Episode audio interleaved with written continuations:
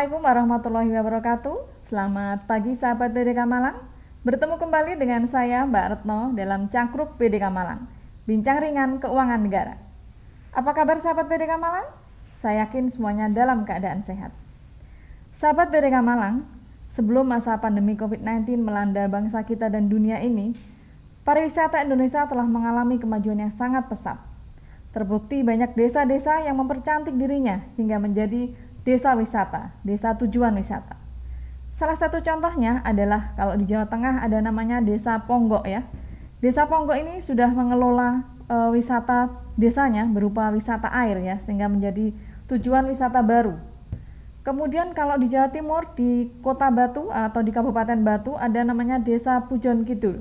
Nah, Desa Pujon Kidul sudah mengubah salah satu sudut wilayahnya menjadi sebuah desa wisata sehingga bisa dikunjungi oleh wisatawan dari berbagai penjuru. Nah, tentu saja apa yang dilakukan oleh pemerintah desa itu adalah tak lepas dari bantuan pemerintah berupa dana desa. Nah, sahabat BDK Malang, pada episode kali ini tema cangkruk BDK Malang adalah tentang dana desa. Dan pada sesi ini tema kita adalah tentang penganggaran dan penyaluran dana desa atau kebijakan dana desa dan penyalurannya. Baik sahabat BDK Malang telah hadir di hadapan saya Bapak Tohirin. Selamat pagi Pak Tohirin. Selamat pagi. Apa kabar Pak? Alhamdulillah sehat pagi ini. Alhamdulillah kita masih diberi umur panjang dalam kondisi sehat Pak ya dan Betul. bisa melakukan aktivitas kita dengan baik. Terima kasih Pak untuk kehadirannya di studio podcast BDK Malang. Sama-sama. Mohon bisa disapa Bapak teman-teman yang ada di podcast kita. Selamat pagi. Assalamualaikum warahmatullahi wabarakatuh. Sahabat BD Malang yang berbahagia. Senang bertemu dengan sahabat semua. Kali ini kita akan membahas mengenai dana desa. Terima kasih.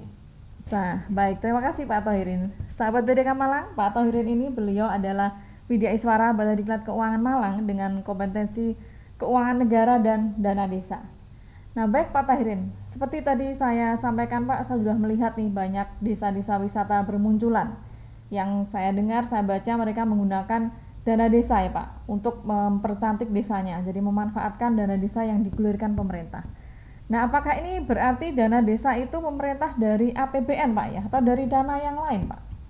Betul sekali. Uh, saya panggil Ibu atau Mbak nih ya? Nah, Mbak aja Pak ya. Oke, biar kelihatan awet muda ya. Iya, Baik Mbak betul. Retno. Jadi di dalam APBN anggaran pendapatan dan belanja negara ada satu pos namanya TKDD transfer ke daerah dan dana desa. Di sanalah pemerintah berkomitmen mengalokasikan anggaran yang kita sebut dengan dana desa yang akan disalurkan dari Kementerian Keuangan, kemudian ke kabupaten kota dan nanti akan disalurkan ke desa. Demikian. Oh, gitu Pak ya. Lalu kalau dari pemerintah itu siapa Pak yang menentukan kebijakan penganggaran dan pengalokasiannya nih Pak? Dalam konteks untuk penganggaran dan pengalokasian ini menjadi tugas Kementerian Keuangan. Di Kementerian Keuangan ada satu unit eselon 1 bernama Direktorat Jenderal Perimbangan Keuangan. Nah, Direktorat Jenderal Perimbangan Keuangan inilah yang akan membuat penganggaran terkait dana desa kemudian mengalokasikannya. Mengalokasikan artinya akan membagi-bagikan kepada kabupaten atau kota yang akan menerima dana desa.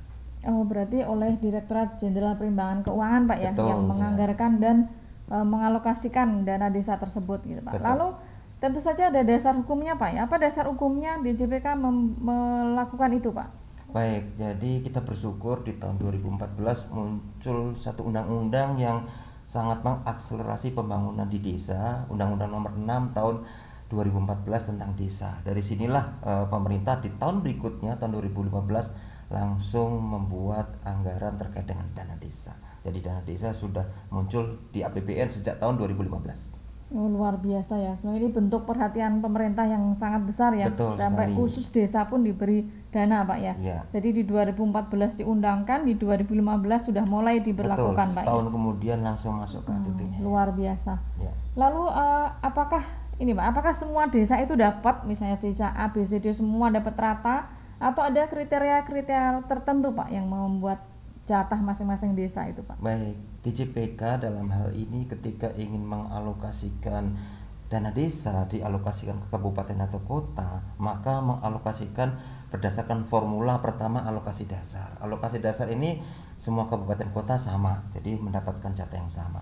Yang kedua ada namanya alokasi formula. Alokasi formula itu melihat dari sisi jumlah penduduk, wilayahnya berbeda jumlah penduduk dan wilayah tentu berbeda juga mendapatkan dana desa. Yang ketiga alokasi afirmasi. Alokasi afirmasi adalah bentuk bagaimana pemerintah perhatian kepada desa yang kategori tertinggal dan sangat Hmm. tertinggal mendapatkan alokasi yang berbeda.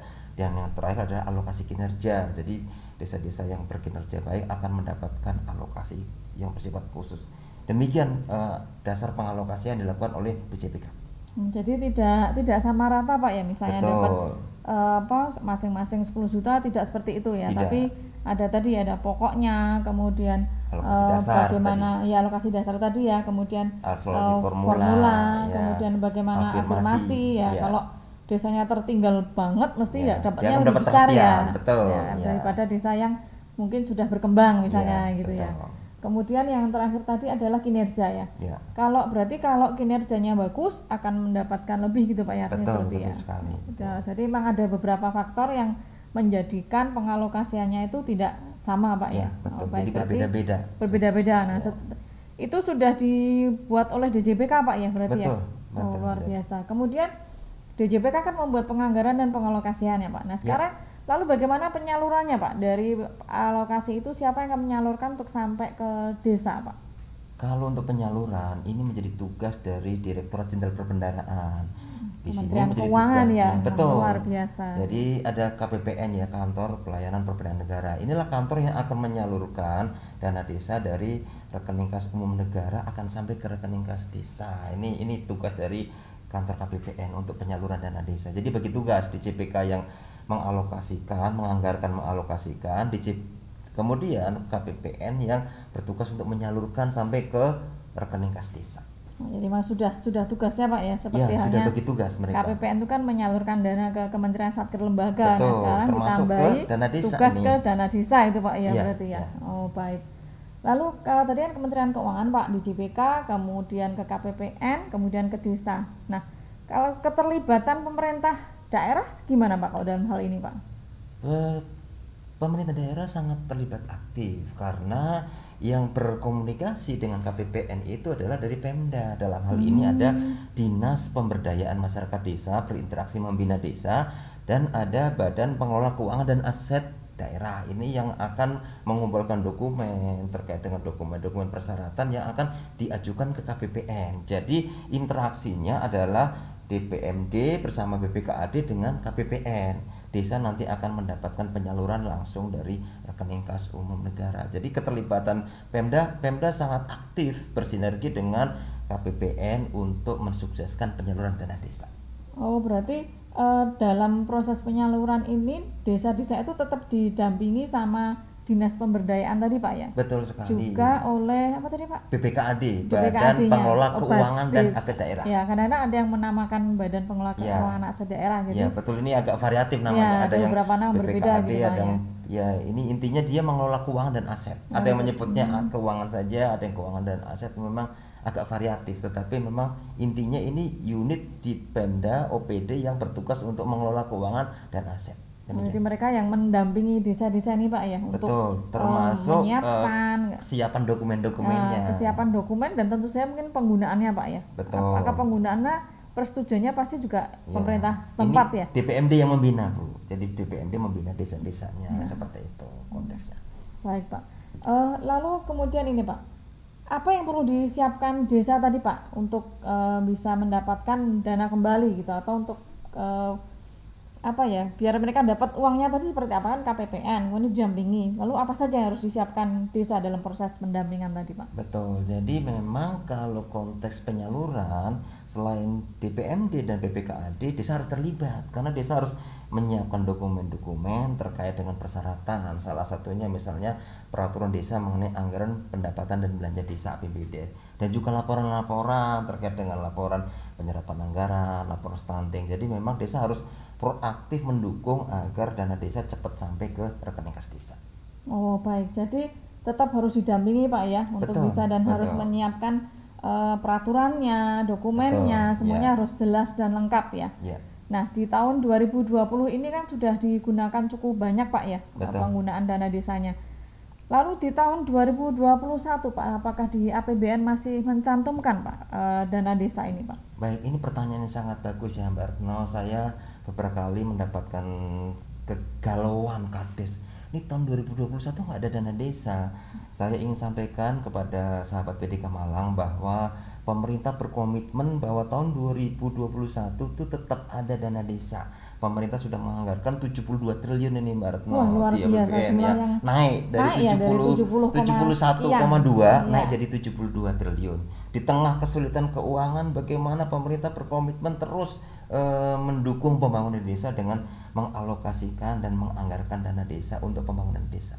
Demikian Mbak Retno. Baik, terima kasih Bapak. Terima kasih pemerintah tentu saja Pak ya, eh, Betul. sahabat PDK Malang. Tadi kita sudah mendengarkan penjelasan dari Pak Tohirin bahwa di tahun 2021 masih dialokasikan oleh pemerintah untuk eh, dana desa. Sahabat PDK Malang, silahkan sahabat memanfaatkan momen ini dengan baik dan jangan lupa di tahun 2020 persiapkanlah dokumen-dokumen yang diperlukan untuk di 2021. Nah sebelum saya akhiri eh, podcast hari ini bincang ringan saya dengan Pak Tohirin, barangkali Pak Tohirin akan menyampaikan closing statement untuk sahabat-sahabat PDK Malang. Silahkan Pak. Baik, eh, saya ingin menyampaikan statement pertama bahwa penyaluran ini menjadi tugasnya KPPN, tapi KPPN perlu eh, mendapatkan kerjasama yang baik dari teman-teman DPMD, BPKAD juga KADES. Teman-teman KADES, mari persiapkan dokumen-dokumen agar dana desa bisa lancar sampai ke rekening kas desa. Terima kasih sahabat PDK Malang, saya kembalikan kepada moderator Mbak Retno. Terima kasih. Terima kasih Pak Tohirin. Nah, sahabat PDK Malang sudah disampaikan oleh Pak Tohirin. Silahkan sahabat PDK Malang menyiapkan dengan baik sahabat-sahabat di desa yang sudah mendapatkan dana desa di tahun 2020 untuk bersiap mempertanggungjawabkannya dan mendapatkan kembali di tahun 2021. Dan sahabat PDK Malang di, sesi-sesi selanjutnya tema-tema kita akan lebih mendalami tentang dana desa yaitu bagaimana penyaluran dari rekening KPPN ke desa, kemudian bagaimana prioritas penggunaannya dan bagaimana pertanggungjawabannya. Nantikan sesi-sesi berikutnya dalam episode Dana Desa. Terima kasih atas sahabat PDK Malang, terus semangat, salam sehat selalu dari Diklat Keuangan Malang. Wassalamualaikum warahmatullahi wabarakatuh.